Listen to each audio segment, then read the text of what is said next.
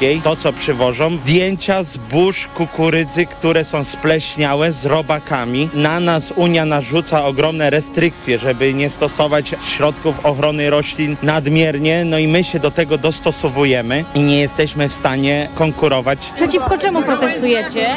Przeciwko Zielonemu Ładowi i napływu, no bo nie podobają nam się założenia tego Zielonego Ładu. A co konkretnie? Choćby ugorowanie 4%, czyli 4% swojego gospodarstwa musimy wyłączyć, ma stać ugorem, nie możemy z tego korzystać. To jest tak samo jakby, nie wiem, komuś w mieście powiedzieć, że ma nie korzystać z pokoju w mieszkaniu, tak, w tym roku z pokoju, w przyszłym roku z kuchni. Każe nam się nie produkować, jednocześnie otwierając rynek na produkty z, choćby z Ukrainy, czy gdzie nie spełniają wszystkich tych norm, które my, my musimy spełniać. A najważniejsze na tu i teraz, najpilniejsze, to co jest? granicy z Ukrainą. Tak, nikt tego nie kontroluje. Dzień Nie, nie, dzień pełne wagony wjeżdżają, także na razie najważniejsze zablokować granice, odejście od Zielonego Ładu. Czy wy myślicie, że mieszkańcy takich dużych miast jak właśnie Wrocław, Warszawa, Kraków, oni zrozumieją o czym, o czym wy mówicie? My cały czas dość dużo płacimy za chleb w sklepie. No właśnie o to chodzi i teraz pytanie też jakiej on jest jakości, skoro takie zboże wjeżdża z Ukrainy. A My za zboże otrzymujemy takie ceny jak 15 lat temu, gdzie przez 15 lat inflacja to jest 50%. Tak? Czyli warto sobie to porównać, ile wzrosła na przykład płaca minimalna, a ile my dostajemy za swoje produkty. to tak jakbyśmy dalej zarabiali 1500 zł miesięcznie, tak? Przy tych kosztach, które są teraz, tak? Chciałam jeszcze was podpytać o ten taki dość ostry dzisiaj ton. O te jajka rzucane w urzędy, o te race, o te palone gumy, palone siano, y, pomidory, które leciały w, w szyby. Czy to jest taki język, którym chcecie się porozumiewać? No myślę, że może niektóre akcje mogłyby być trochę mniej dosadne, ale z drugiej strony no, nie spotykamy się ze zrozumieniem. Staliśmy ciągnikami, na przykład my w Głogowie i się z nas śmiali, o postali chwilę ciągnikami pojechali. No to jak my mamy zwrócić uwagę na nasze problemy? No, Co też zablokujcie Sejm, no ale to pod Sejmem postoimy, też nikt nas nie zauważy, tak? I to robić, bo no, polskie rolnictwo będzie stracone za parę lat, tak? I wszystko przyjedzie z Ukrainy. Będziemy do skutku protestować. Dziś odbywały się rozmowy pomiędzy rolnikami a rządem. W ich ramach minister rolnictwa Czesław Siekierski deklarował, że polsko-ukraińskie porozumienie w sprawie rolnictwa jest prawie, prawie gotowe. Negocjacje są na ukończeniu. Dwustronne regulacje mają być gotowe pod koniec e, marca, tak zapowiada Siekierski. W ujęciu technicznym jesteśmy na e, poziomie, na, można powiedzieć, na etapie końcowym. Sądzimy, że e, do końca marca powinniśmy to, to, to wszystko uzgodnić i ustalić zasady, kwoty, wielkości, które no, Ukraina nie robi tego chętnie. W drugiej części marca o sytuacji rolników na szczycie mogliby też rozmawiać unijni przywódcy. Chce tego premier Donald Tusk. I mówię tutaj zarówno o eksporcie produktów rolnych i żywnościowych z Ukrainy do Europy, jak i o niektórych y, zapisach y, w Zielonym Ładzie. No Ale przedstawiciele rządu mówią o marcu, tymczasem rolnikom już dziś kończy się cierpliwość. Trwa blokada granicy polsko-ukraińskiej. 20 lutego ma dojść do eskalacji protestu, a tydzień później, 27 w Warszawie manifestacja rolnicza, mówi Tomasz Obszański, przewodniczący Rolniczej Solidarności. Protesty się będą zaostrzać, do protestów przystąpi też, e, przystąpią i górnicy, Solidarność Pracownicza, która też ma problemy. Dzisiaj ta cała transformacja, ten zielony ład, energia, która idzie do góry. Firmy rolno-spożywcze mają mnóstwo problemów. Jutro, jak ustalił reporter TOK FM Szymon Kępka, światło dzienne może ujrzeć tak zwana lista zbożowa. To jest deklaracja wiceministra Michała Kołodziejczaka. Pytany o nas przez tę sprawę minister Siekierski twierdzi, że jeszcze nie ma opinii prawnych, by móc opublikować e, listę zbożową. To jest lista firm, które importowały zboże z Ukrainy z pominięciem procedur. Podsumowanie dnia w Radiu TOK FM. Szefowa Komisji Śledczej do spraw Pegasusa Magdalena Sroka z PSL-u chce, żeby jej członkowie poznali pełną listę osób inwigilowanych tym oprogramowaniem. O bardzo długiej liście ofiar tych praktyk, o której mówił premier Magdalenę Srokę, pytał reporter TOK FM Wawrzyniec Zakrzewski. Pani widziała tą długą listę, o której wspominał premier Donald Tusk. Nie. A czy pani wie, czy taka lista w ogóle istnieje? Odpowiadając jako przewodnicząca komisji, muszę panu powiedzieć bardzo jasno. Ja zwrócę się z wnioskiem dowodowym o przekazanie wszelkich informacji zarówno do koordynatora służb spe- specjalnych, jak i bezpośrednio do Centralnego Biura Antykorupcyjnego. I jak dodaje przewodnicząca Komisji do spraw Pegasusa Magdalena Sroka, jeśli otrzyma taką listę i będzie mogła ona być odtajniona, to z pewnością opinia publiczna ją pozna. I wtedy też e, być może przekona przekonamy się, czy wśród inwigilowanych przez służby podległe byłym ministrom Mariuszowi Kamińskiemu i Maciejowi Wąsikowi, poza przedstawicielami opozycji, byli również najważniejsi politycy Prawa i Sprawiedliwości. Możliwe, że projekty uchwał w sprawie Trybunału Konstytucyjnego zostaną przedstawione jeszcze w tym tygodniu. Wicemarszałek Sejmu Włodzimierz Czarzasty z Lewicy przekonuje, że w sprawie uchwał w zasadzie wszystko jest już jasne. Rozmowy w ramach koalicji w tej sprawie właściwie już się zakończyły, więc teraz będzie musiał pan minister Bodnar, a oczywiście również rząd i premier podjąć stosowne decyzje. Ale szef resortu sprawiedliwości Adam Bodnar pytany o szczegóły nie zdradza ani czego dokładnie będą dotyczyły uchwały w sprawie Trybunału, ani kiedy je poznamy. To już jest kwestia dni.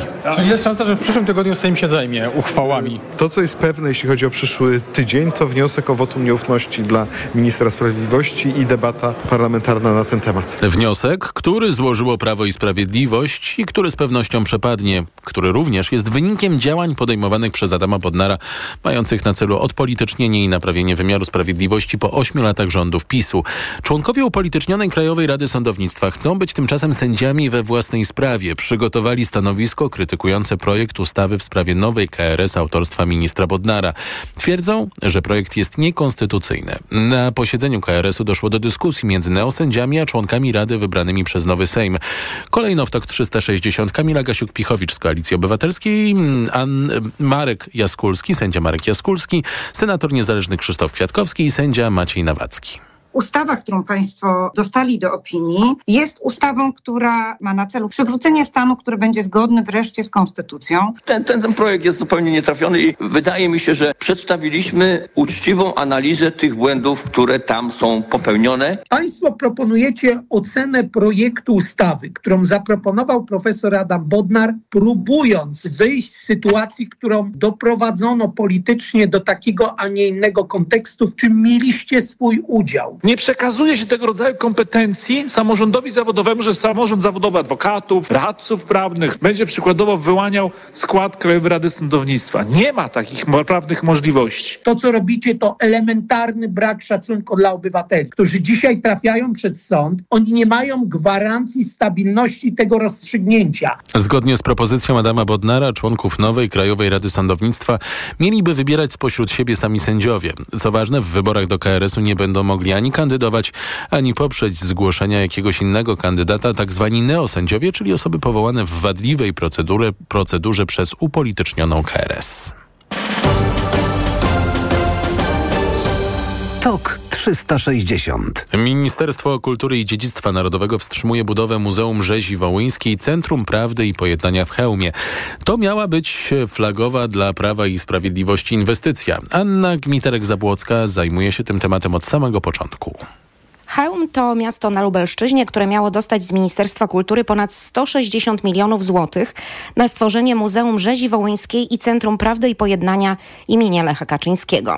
Miało być ono prowadzone wspólnie przez władze Chełma i Ministerstwo Kultury. Taką ostateczną wersję umowy podpisano po październikowych wyborach niemal rzutem na taśmę przed zmianami w ministerstwie. Historyk profesor Adam Puławski, który jednocześnie mieszka w Chełmie, oceniał to jednoznacznie. Ten pomysł z tego co wiem, narodził się jakiś czas temu, ale to, że to tak przybrało obrót w tym momencie taki szybki, no to jest już klasyczne działanie polityczne związane z chęcią zabetonowania czy stworzenia instytucji, które będą w jakiś sposób podległe jednak myśli politycznej Prawa i Sprawiedliwości. Spora część mieszkańców Chełma mówiła wprost, że Muzeum Rzezi Wołyńskiej wcale nie jest w ich mieście potrzebne.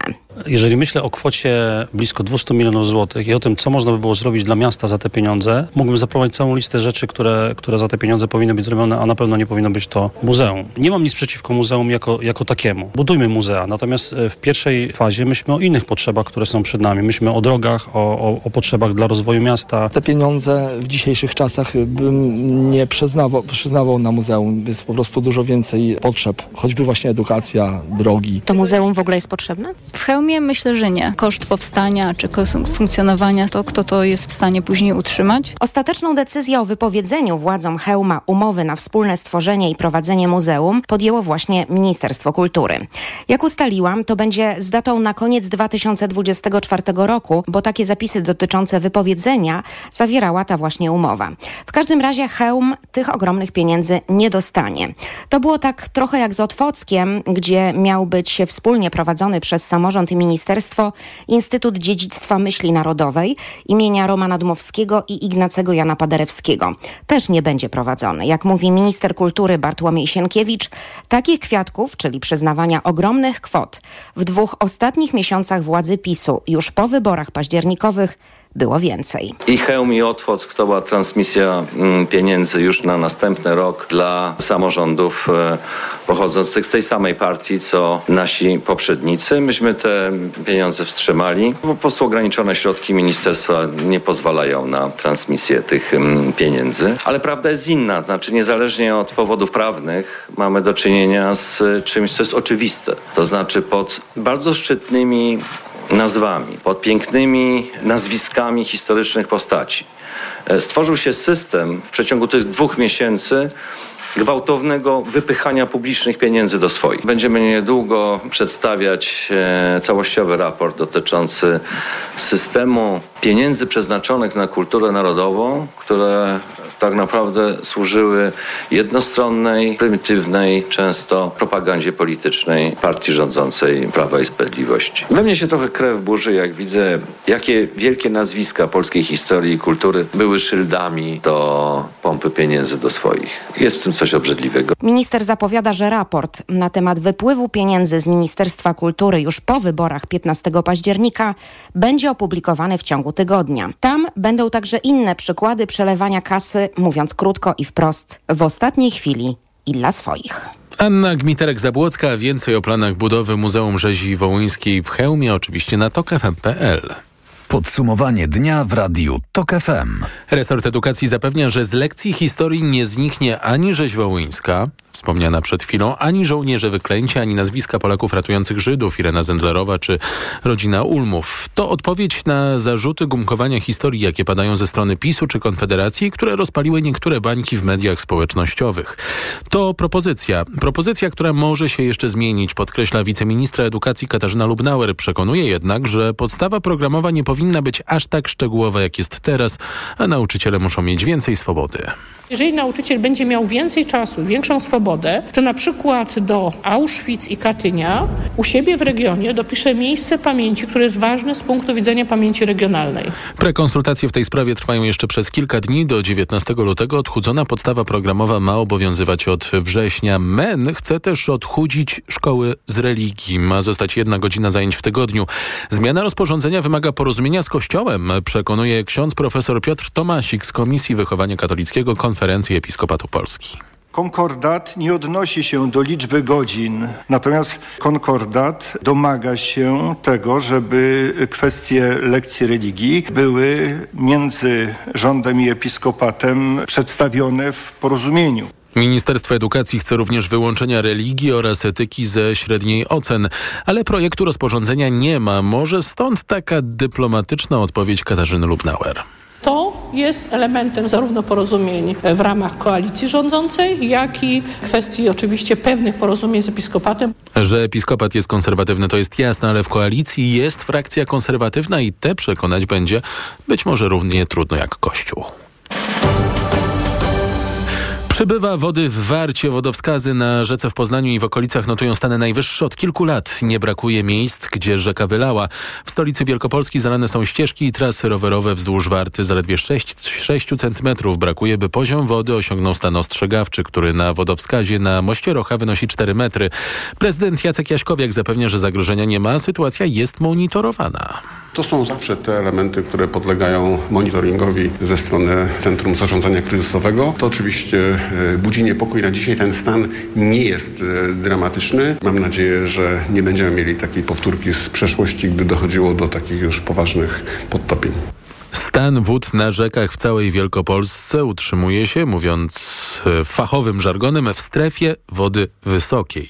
Wskazania alarmowe przekroczone są na czterech stacjach w regionie. Najtrudniejsza sytuacja jest na Gwdzie w Pile i na południu Wielkopolski, mówi Grzegorz Walijewski z IMGW. Na głównych rzekach w województwie wielkopolskim obserwujemy spływ wód opadowo-roztopowych, ale na mniejszych rzekach e, po opadach, nawet niewielkich, już widzimy wezbranie i tutaj sytuacja ta hydrologiczna może się e, szybko zmieniać. Według prognoz stan ostrzegawczy na Warcie w Poznaniu może zostać przekroczony w sobotę. Poziom wody może rosnąć jeszcze przez kilka dni. TOK 360 w Rafach na południu strefy gazy może być nawet półtora miliona palestyńskich cywilów. Izrael zapowiada, że miasto będzie celem kolejnej ofensywy wojskowej. Premier Benjamin Netanyahu twierdzi, że armia wejdzie do Rafach dopiero po ewakuacji cywilów. Problem w tym, że to niezwykle trudne zadanie, mówiła w programie Połączenie Jakubowi Janiszewskiemu dr Karolina Zielińska z Akademii Finansów i Biznesu Wistula. Czyli to będzie takie samo modus operandi jak w przypadku miasta Gaza czy w przypadku miasta Han Yunis. Oczywiście w przypadku Rafah mamy do czynienia z nawarstwieniem się problemów w tym sensie, że tam już jest właśnie bardzo dużo ludności, która już kilkakrotnie była przemieszczana w związku z konfliktem. Jest tej ludności bardzo dużo. Jest to ludność bardzo zmęczona wojną. Według Izraela Rafah jest ostatnim ważnym przyczółkiem Hamasu w strefie gazy. Przed interwencją, która może nieść za sobą wiele ofiar, od kilkunastu dni ostrzegają Stany Zjednoczone, a także międzynarodowe organizacje pomocowe. To jest podsumowanie dnia w TOK FM. Przed nami goście na początek dr Magdalena Kumelska-Koniecko z Instytutu Nauk Politycznych Uniwersytetu Warmińsko-Mazurskiego w Olsztynie. Będziemy rozmawiać e, o zagrożeniu dla bezpieczeństwa narodowego Stanów Zjednoczonych. Tak alarmuje szef Komisji Wywiadu w tamtejszym Senacie ma chodzić o domniemaną broń nuklearną na orbicie. Mm, problem polega na tym, że było o tym wiadomo już od kilku ładnych dni, więc sytuacja może mieć swój wymiar wewnętrzny, jeżeli chodzi o politykę amerykańską. Będzie z nami również profesor Grzegorz Makowski z Fundacji Batorego. Będziemy rozmawiać o gigantycznych nagrodach po aferze z respiratorami od handlarza e, bronią. Czy naprawdę, naprawdę nie można czemuś takiemu zapobiec? Po 18.50 dr Aleksander Oleks z Defense 24 w Demokratycznej Republice Konga odbyły się protesty przeciwko krajom Zachodu, między innymi przeciwko Polsce, a to po wizycie prezydenta Andrzeja Dudy w Ruandzie. To jest TOK 360, podsumowanie dnia w TOK FM. Zachęcam do obserwowania audycji w aplikacji TOK FM i do pozostania z nami, bo oto wybija 18.20 przed Państwem Wojciech Kowalik. Sponsorem programu jest Nestbank, oferujący konto i kredyty dla firm. Nestbank.pl Ekonomia 360. Wojciech Kowalik. Początek roku przyniósł sporą inflacyjną niespodziankę. Inflacja mocno wyhamowała do 3,9% w skali roku z ponad 6% w grudniu. Po części to efekt statystyczny wynikający z porównania do pędzącej inflacji rok temu. W danych za styczeń widać, że o 5% w skali roku drożała z początkiem roku żywność, o 3% wzrosły koszty utrzymania mieszkania.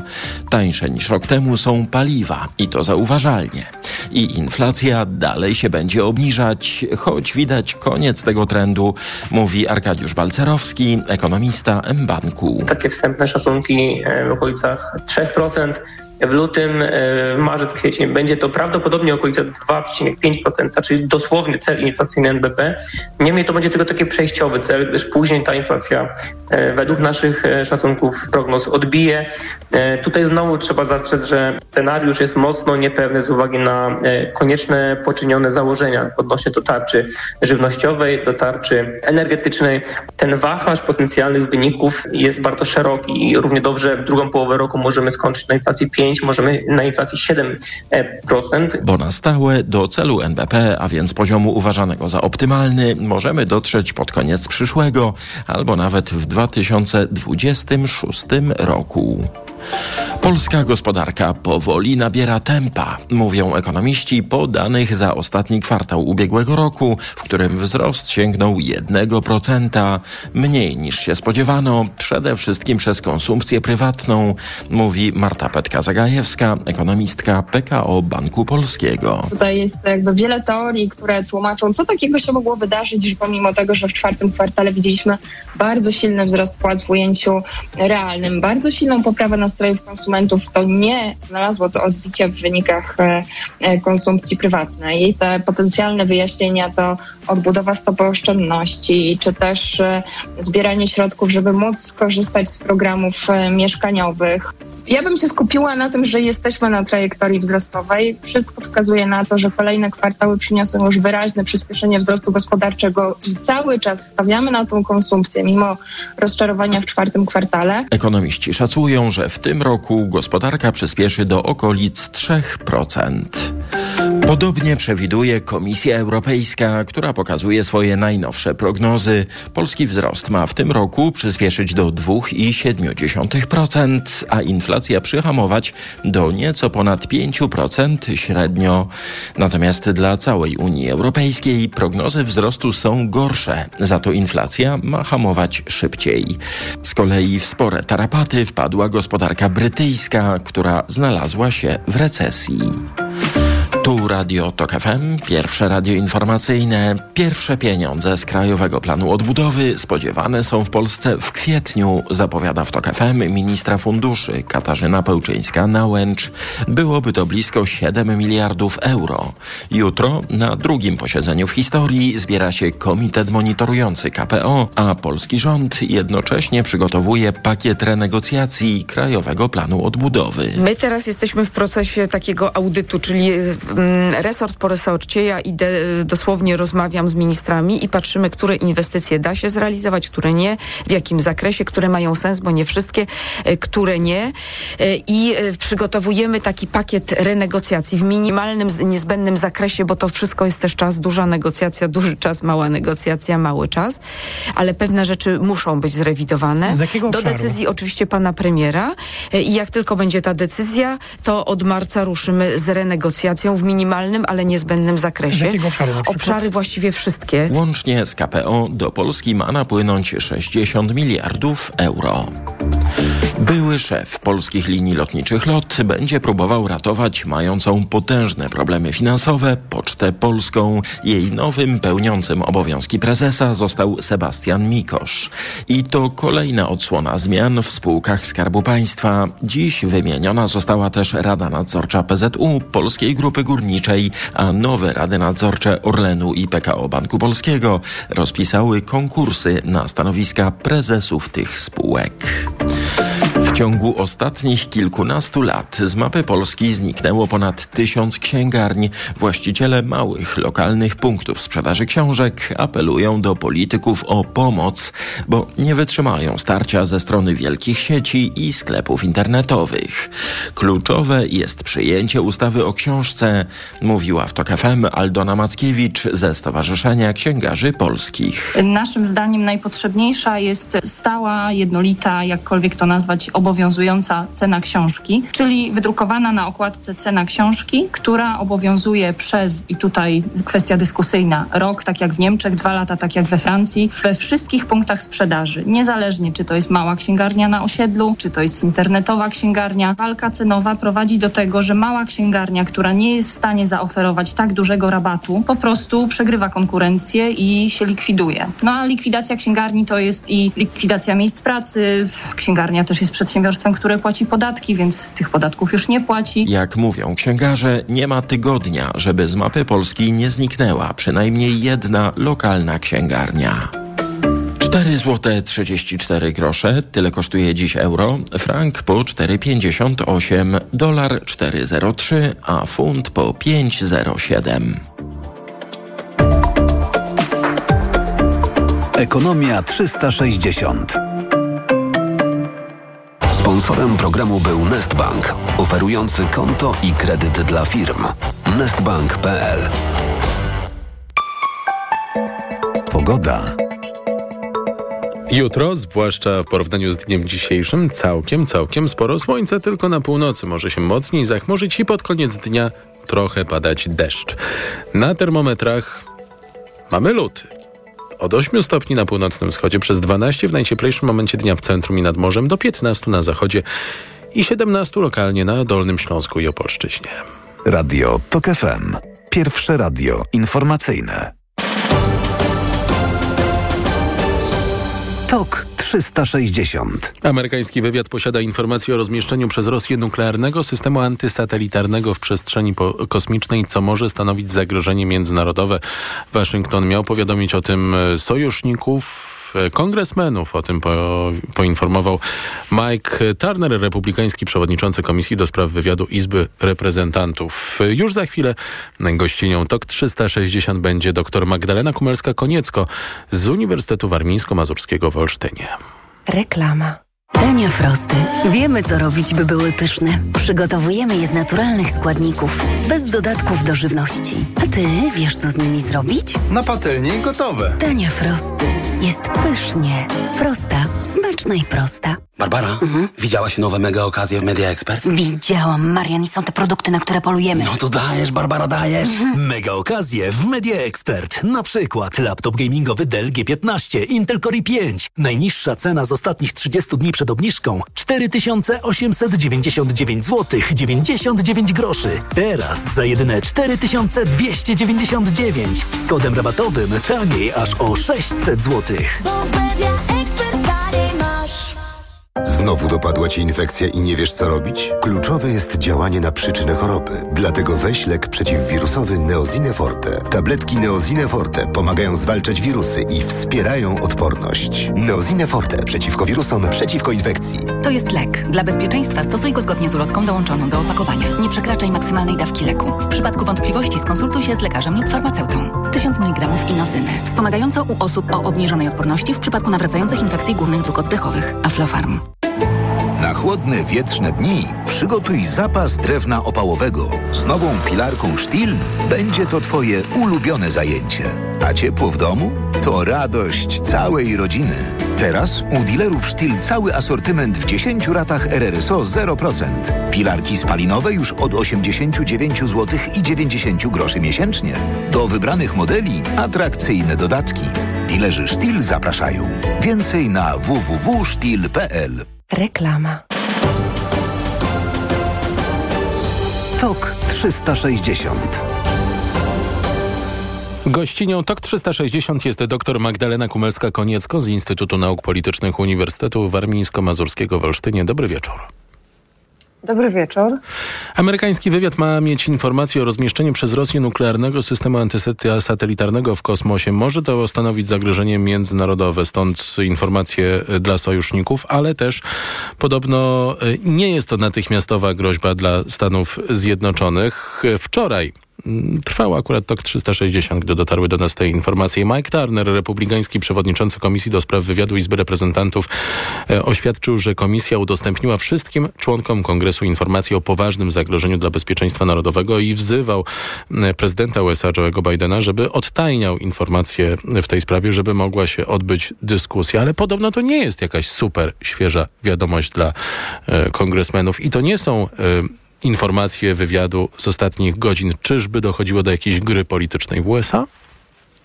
Może, możemy tak spekulować, szczególnie, że e, już w 2021 e, Federacja Rosyjska wystrzeliła e, rakietę, która zniszczyła jeszcze sowieckiego satelitę umieszczonego w przestrzeni kosmicznej, co już wtedy sugerowało e, o możliwościach e, prac e, Federacji Rosyjskiej nad tego typu uzbrojeniem.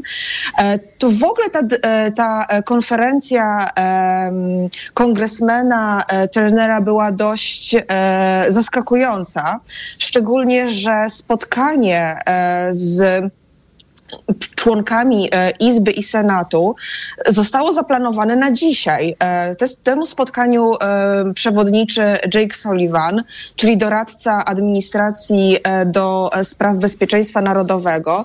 I właśnie podczas tego spotkania dzisiejszego ma on właśnie odnieść się do tych informacji wywiadowczych, które mają pokazywać zagrożenie, jakim jest budowa bądź już posiadanie systemu e, antysatelitarnego, e, którym może e, razić amerykańskie satelity rozmieszczone w przestrzeni kosmicznej. Tylko Pytanie jest e, podstawowe. Czy, e, czy Rosjanie rzeczywiście posiadają e, tego typu system? Czy jest on w fazie budowy? Czy jest to po prostu, tak jak to było w okresie zimnej wojny i tego programu Gwiezdnych Zbrojeń, które, którego autorem była administracja Reagana i który okazał się tak naprawdę no, dużą prowokacją, tylko wtedy konfrontacja dotyczyła ZSRR. Tego tak naprawdę nie wiemy e, do, e, po dziś dzień, ponieważ żyjemy e, od wczoraj w zasadzie tylko spekulacjami. Konferencja, którą um, udzielił um, Jake Sullivan i pytania dziennikarzy dotyczące realnego bezpieczeństwa w zasadzie pozostały bez odpowiedzi. Więc to tym bardziej. Ale wywołało stawiam... to bardzo, bardzo wyraźną reakcję nie tylko amerykańskich mediów, ale i światowych. To się znalazło. Trudno się zresztą temu dziwić w społeczeństwie informacyjnym, ale też e, w czasach wojny informacyjnej na czołówkach CNN-u, ABC News, e, ale też BBC, polskich mediów, co, co, co jest jasne no nie wierzę, żeby Mike Turner nie zdawał sobie sprawy z tego, jaki to efekt wywrze, więc czyżby próbowali coś przykryć republikanie?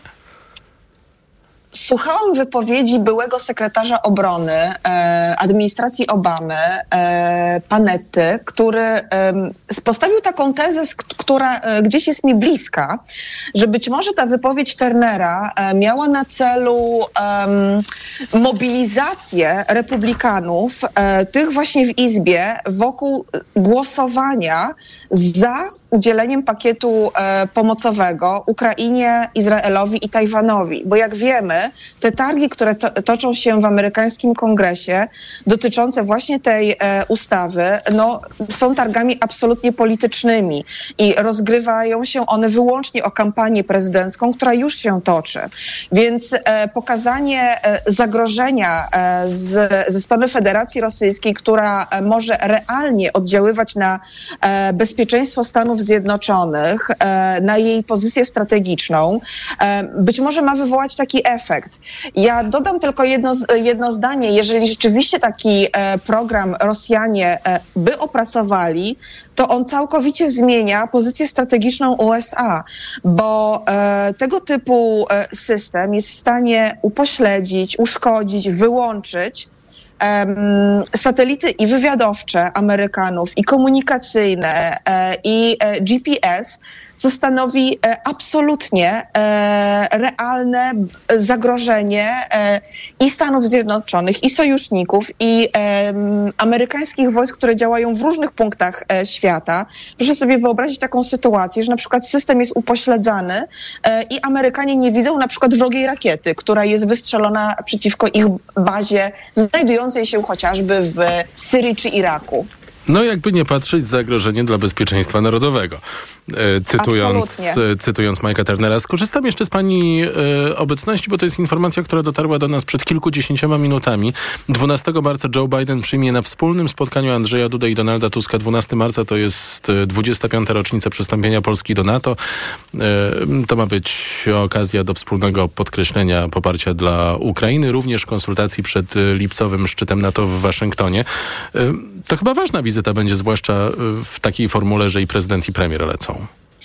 Piękna data, e, bardzo, bardzo ważna rocznica, e, która absolutnie zmieniła paradygmat polskiego bezpieczeństwa i myślę, że nie bez przyczyny została ona e, wybrana z uwagi na ostatnie skandaliczne wypowiedzi Donalda Trumpa dotyczące warunkowości pomocy Amerykanów na wypadek agresji państwa, które zaatakowałoby e, członka NATO. Więc myślę, że tutaj administracja właśnie skomponowała tą datę e, z tymi e, wypowiedziami. Bardzo dziękuję. Dr Magdalena Kumelska-Koniecko z Instytutu Nauk Politycznych Uniwersytetu Warmińsko-Mazurskiego w Olsztynie była gościnią TOK 360. Za chwilę profesor Grzegorz Makowski z Forum Idei Fundacji e, Batorego. Rozmawiać będziemy o tym, jak sobie poradzić z tymi premiami, które tak chętnie e, wypłacają sobie urzędnicy w poszczególnych resortach, nawet jeśli przyjmą przesyłkę od handlarza bronią, która nie będzie zgadzała się z zamówieniem? Reklama. Wielka wyprzedaż świata Professional trwa. Wybierz Doblo, funkcjonalny samochód dostawczy, oferujący szeroką gamę silników spalinowych, ładowność do jednej tony i dłuższą przestrzeń ładunkową dzięki funkcji Magic Cargo. Teraz Doblo dostępne z rabatem do 26 tysięcy złotych netto i w leasingu dla firm od 101%. Szczegóły w najbliższym salonie lub na fiatprofessional.pl. Doblo dostępne również w wersji w pełni elektrycznej. Czas je zobaczyć. Nowe Volvo EX30 już w salonach. Kompaktowy SUV już od 169 900 zł brutto i w leasingu 105%. Odwiedź autoryzowany salon Volvo i zobacz Volvo EX30. Mordeczki, ale nowina. Teraz na Dolina Myślnik Noteci.pl urodzinowe ceny, karmy suche, mokre i smaczki dla czworonogów nawet o 30% taniej. Świętujcie z nami dziewiąte urodziny na Dolina Myślnik Noteci.pl. Hał miał. Od światowych rynków po Twój portfel. Raport gospodarczy. Mówimy o pieniądzach. Twoich pieniądzach. Słuchaj od wtorku do piątku po 14.40. Sponsorem programu jest dostawca systemu do oceny wiarygodności płatniczej kontrahentów Big Infomonitor www.big.pl. Tematem dnia jest ból ucha. Jak sobie z nim poradzić? W aptekach jest wiele produktów, ale tylko Lix z lidokainą działa w dwie minuty. Dwie minuty? Naprawdę? Tak, dwie minuty i po bólu. Lix to jedyne krople do uszu z lidokainą, które działają dwutorowo. Glicerol zmniejsza obrzęk, a lidokaina błyskawicznie łagodzi ból ucha. Czy Lix można stosować u dzieci? Krople Lix można stosować nawet u maluszków od szóstego miesiąca życia. Lix. Błyskawiczna ulga w bólu ucha. Szukaj w aptekach. To jest wyrób medyczny. Używaj go zgodnie z instrukcją używania lub etykietą. Lix łagodzi ból oraz wspomaga leczenie stanów zapalnych ucha. Producent Emergofarm spółka z OSPK. Podmiot prowadzący reklamę Adamet Pharma S.A. Przepraszam, coś pani zgubiła. Mój magnes, bardzo dziękuję. Suplement diety Neomak Forte D3. Magnes. Może stąd to przyciąganie. Ja też biorę magnes. Sporo nas łączy. Łączy to Neomak Forte D3. Dużą dawkę magnezu i aż 2000 jednostek witaminy D. Kosztuje 2 zł więcej niż Neomak Forte, a daje mi świetną odporność. Przekonała mnie pani. Zmieniam swój magnes na Neomak Forte D3. To może teraz ja przekonam panią, żebyśmy poszli na kawę. Chyba, że jest pani odporna również na mnie. Neomak Forte D3. Więcej niż magnes. Aflofarm. Codzienny magazyn motoryzacyjny. Od poniedziałku do piątku o 19.40.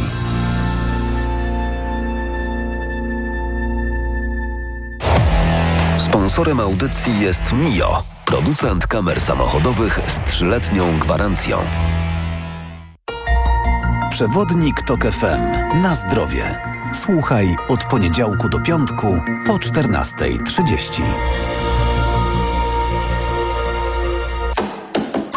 Na audycję zaprasza sponsor. Producent Żywiec Zdrój Minerals Plus z magnezem. Wchodzę na wagę i znowu przytyłam. I te napady głodu. Tak, Aniu. I chęć na batonika, i potem spadek energii, i senność. Skąd wiesz? Już to przerabiałam. Okazało się, że miałam wahania poziomu cukru we krwi. Mnie pomógł trisulin. Suplement diety Trisulin to aż trzy ekstrakty roślinne dla wsparcia prawidłowego metabolizmu glukozy. Trisulin to połączenie morwy, kozieradki oraz górmaru, który dodatkowo kontroluje wagę, zmniejszając apetyt na słodycze. Trisulin i cukier w normie. Zdrowit. Reklama. TOK 360. Gościem TOK 360 jest profesor Grzegorz Makowski z Kolegium Ekonomiczno-Społecznego SGH, ekspert Forum Idei Fundacji Batorego. Dobry wieczór. Dobry wieczór. Judyta Watoła w Wyborczej pisze, że Piotr Węcławik, który jako wicedyrektor Biura Administracyjnego w Ministerstwie Zdrowia kwitował odbiór części respiratorów od handlarza z bronią, w nagrodę nie tylko awansował, ale też dostał ponad pół miliona nagród i dodatków. Dodam, że jak wynika z artykułu, odebrał respiratory niezgodne e, z zamówieniem, chociaż podobno była poczyniona m, odpowiednia adnotacja. Jeżeli chodzi o te zarobki, m, to tutaj kwoty idą w naście tysięcy złotych zwykle, albo i więcej. Tych liczb jest bardzo dużo, ale generalnie mm, wypłaty tego urzędnika opierały się między innymi na przeróżnych dodatkach i nagrodach. Ich liczbą i kwotami mają być zaskoczeni pracownicy y, ministerstwa. Zresztą w pewnym momencie te zarobki przerosły zarobki y, ministra, czyli to nie jest stała metoda y, wynagradzania z tymi dodatkami. Mm, Chciałoby się powiedzieć, te nagrody im się po prostu należały, ale zastanawiam się, jak to jest możliwe, że w trzydziestoparoletniej już y, demokracji nie ma odpowiednich mechanizmów kontrolnych przed takimi sytuacjami. To znaczy tak, e, mechanizmy są różne. Są i dyscyplinarne, i karne, więc e, jeśli dochodzi do na przykład jakichś naruszeń, to to my mamy na papierze różne mechanizmy, tylko jest pytanie, czy, czy w praktyce je chcemy wy wykorzystywać. To, to po pierwsze. Po, po, drugie, a może nawet bardziej po pierwsze, mm, odbijając się od tej sprawy, bo w, mm, trudno mi oceniać jakby konkretnie tej, tą sytuację, bazując tylko na, na, na doniesieniach prasowych, ale mm, być może jest ona e, też ilustracją takiego szerszego problemu, który my mamy ze służbą cywilną, po prostu. To znaczy um, kłopot polega na tym z naszym systemem służby cywilnej jest taki, że on jest właściwie od momentu, kiedy myśmy właściwie przywrócili tą służbę cywilną, już w latach 90. zaczęliśmy ją przywracać, później była e, reforma odwracana, znów przewracana i później w 2006 roku praktycznie zlikwidowano na przykład tą służbę cywilną, później znowu ją wrócono. Problem polega na tym, że my nie mamy e, właściwie uregulowanego funkcjonowania no, najważniejszego elementu administracji rządowej, w ogóle administracji publicznej, jaką jest służba cywilna. I, I ciągle borykamy się z problemem jego nadmiernego upartyjnienia i braku neutralności politycznej. I w, no najlepszy przykład no jest to, co się stało w 2016, 15, 16 roku, kiedy właśnie kolejna taka rewolucja przeszła przez służbę cywilną i z, z, jakby uchylono wszystkie przepisy o otwartym, konkurencyjnym naborze, jakie wtedy obowiązywały. Ja zostawiam na boku, na ile one były efektywne ale ale były. Później już właściwie tylko na najwyższe stanowiska e, dyrektor e, w służbie cywilnej e, obejmowano je właściwie z, jakby z klucza politycznego. No, musiała być akceptacja tego pionu politycznego. No i teraz, jeżeli w taki sposób obsadzamy najwyższe stanowiska w służbie cywilnej, tej najważniejszej strukturze w administracji publicznej, no to pojaw- jakby mnożymy ryzyka. No bo jeżeli y, jakby opozycji w tej strukturze decyduje przede wszystkim lojalność polityczna, no to wtedy na bazie tej lojalności politycznej też w sposób uznaniowy można na różne sposoby uwalniać od, od odpowiedzialności osoby, które na przykład coś tam naruszą, do czegoś się dopuszczą. Ale też to niestety jest związane jest z takim systemem w ogóle uznaniowego wynagradzania ludzi w służbie cywilnej. Znaczy u nas bardzo dużym e, odsetkiem składowej pensji w ogóle urzędników, mówię tak e, szeroko, w służbie cywilnej, nie jest jakaś tak podstawa, kwota bazowa, tylko bardzo często to są właśnie uznaniowo przyznawane e, nagrody i one bardzo często są uznaniowo przyznawane e, przez e, tych zwierzchników politycznych e, nad urzędnikami, którzy ci zwie, zwierzchnicy najpierw decydują, kto będzie na najwyższych stanowiskach. No i trochę taka kółko nam się zamyka. Ale to świadczy o jeszcze jednym problemie, o problemie, który wymieniany jest raz po raz. E, zwykle w takim kontekście, że jeżeli chcemy przyciągnąć ekspertów do y, pracy w służbie cywilnej, to musimy ich odpowiednio y, wynagradzać. Skoro pan mówi o tym, że y, głównym składnikiem stają się nagrody, to znaczy... Uznaniowe, podkreślam. Uznaniowe, tak. To znaczy, że w tym systemie widełek również coś jest nie tak. Że zdrowy system to nie tylko system odpolityczniony, ale również mm, odpowiednio zapisany na papierze od 8 do 10 tysięcy plus ewentualne nagrody maksimum 15, przykładowo mówię. Dokładnie i powiem jeszcze więcej. No, służba cywilna, jeśli by spojrzeć na nią tylko na poziomie ministerstw, no to się okaże, że pomiędzy ministerstwami są w ogóle bardzo różne, bym powiedział, pragmatyki wynagradzania, stosowania tych nagród. To bardzo, bardzo wiele zależy właśnie, kto jest ministrem i czyje to jest w cudzysłowie królestwo. Więc ta silosowość, taka resortowość, y, no niestety bardzo mocno przenika służbę cywilną. Ale to nie jest tylko problem widełek, i tej uznaniowości. To jest w ogóle problem też organizacji pracy, rozliczania za, jakby za efekty, planowania tej pracy. E, Mm, problem w ogóle polega jakby z całą strukturą zarządzania w służbie cywilnej. E, jak sobie wyjmiemy oczywiście tam po kawałku, nie wiem, kwestie nagród, kwestie tej obsady, kwestie konkursów, no to możemy się nad tym pochylać, krytykować i, i postulować, ale tak naprawdę no tam nie ma za bardzo w ogóle systemu, niestety, w, tym, w tej całej strukturze. Ale w tej strukturze też jest... chyba nie ma e, szczególnie pola, żeby ktoś był zainteresowany zmianą tego e, systemu. No bo przychodzi no, kolejna ekipa polityczna i dlaczego ma to czyścić, kiedy ma zobowiązania wobec swoich ludzi, którzy ciężko pracowali przez ostatnich 8 lat na to, żeby odzyskać władzę? No więc ja nad tym bardzo ubolewam niestety, bo jesteśmy w takiej sytuacji też po wyborach 15 października, no takiego nieustannie, nieustannie wychylającego się wahadła, a to w jedną, a to w drugą stronę. E, w trakcie kampanii wyborczej niestety ja nie słyszałem prawie nic na temat służby cywilnej, reformy administracji, chociaż to jest trzon. Jakby bez administracji ci politycy wiele nie zrobią. Nie będzie dobrej polityki publicznej. Nie było o tym prawie w ogóle nic. Nie było o tym, o służbie cywilnej nic w kontekście zapobiegania korupcji, zwiększania przejrzystości. Nowa ekipa weszła w buty starej ekipy, przejęła e, przepisy z 2015-16 roku. E, są wymieniane w tej chwili kadry, tak samo jak PiS to sobie wymieniał tak naprawdę, tylko że PiS zrobił to bardziej radykalnie, bo jakby ta, ta zmiana była taką ustawą kadrową jednocześnie. Tam z automatu wymieniono niemalże no, kilka tysięcy urzędników.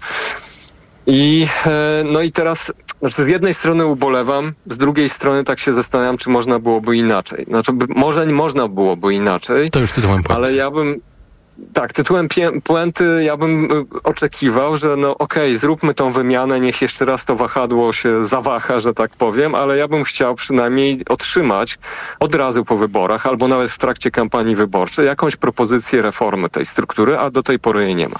Profesor Grzegorz e, Makowski z Kolegium Ekonomiczno-Społecznego SGH, ekspert Forum Idei Fundacji Batorego, był gościem TOK 360.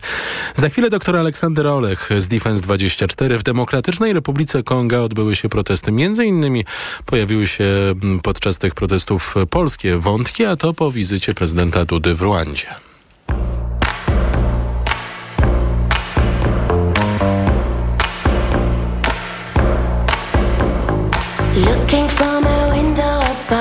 It's like a story of love. Can you hear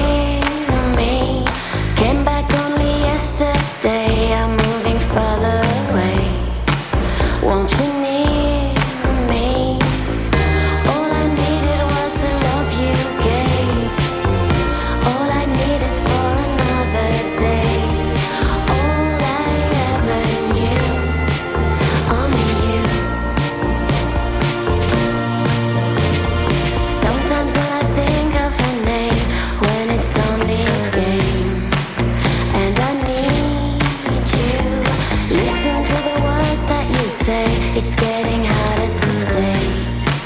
When I see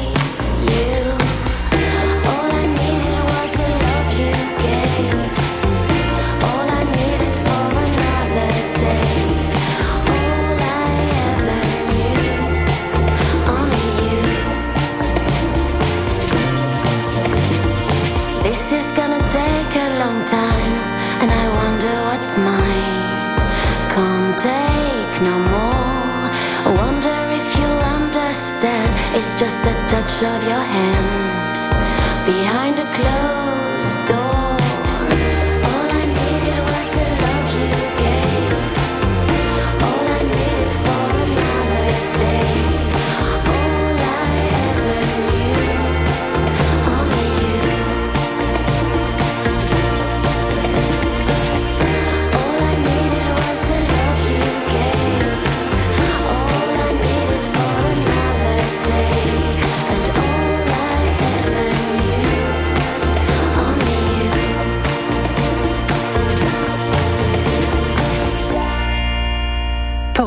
360. Gościem TOK 360 jest dr Aleksander Olek z Defense 24. Dobry wieczór.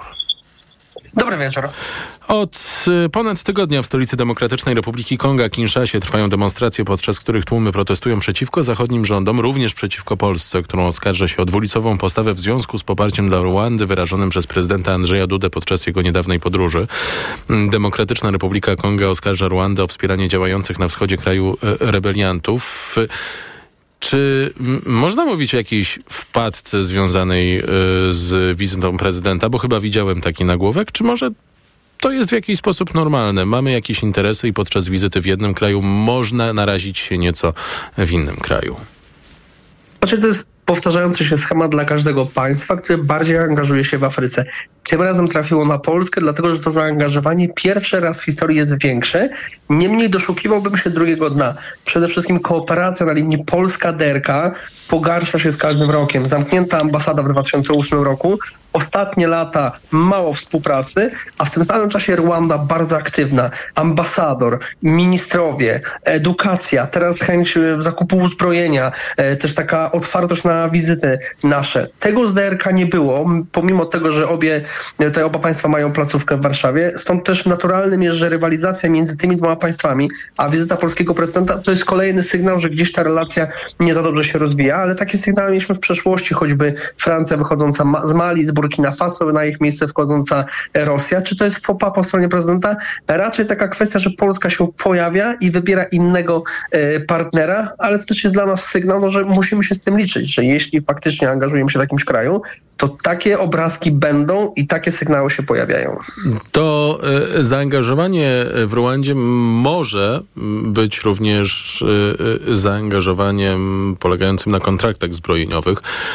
Jakie to może mieć konsekwencje, prowadzenie takich interesów w tym miejscu, w takich e, warunkach e, politycznych i na tym poziomie dyplomatycznych i nie tylko, bo również ulicznych emocji?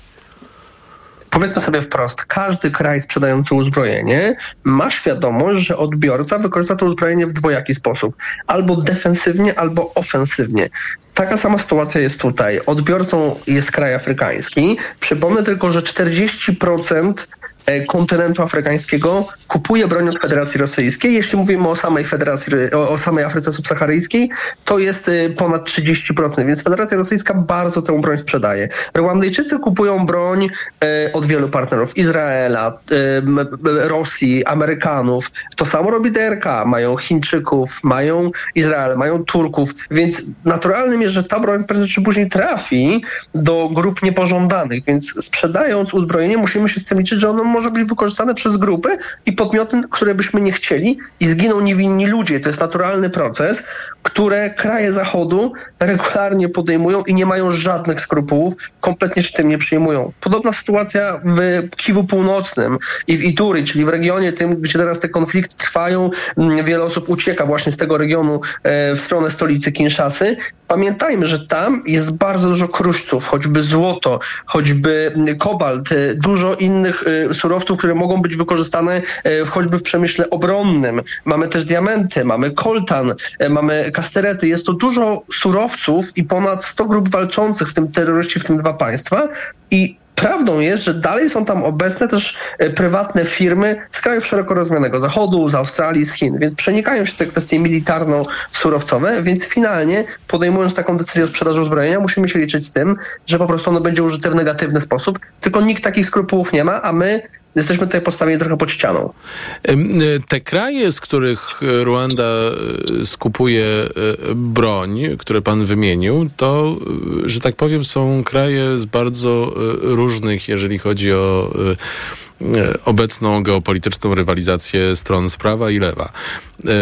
Zastanawiam się wobec tego, czy biorąc pod uwagę na przykład zaangażowanie Rosji w regionie, czy te kontrakty, o których rozmawiamy, jeszcze nie doszły, ale czy, mm, czy to jest tylko biznes? Czy to jest jednak coś więcej?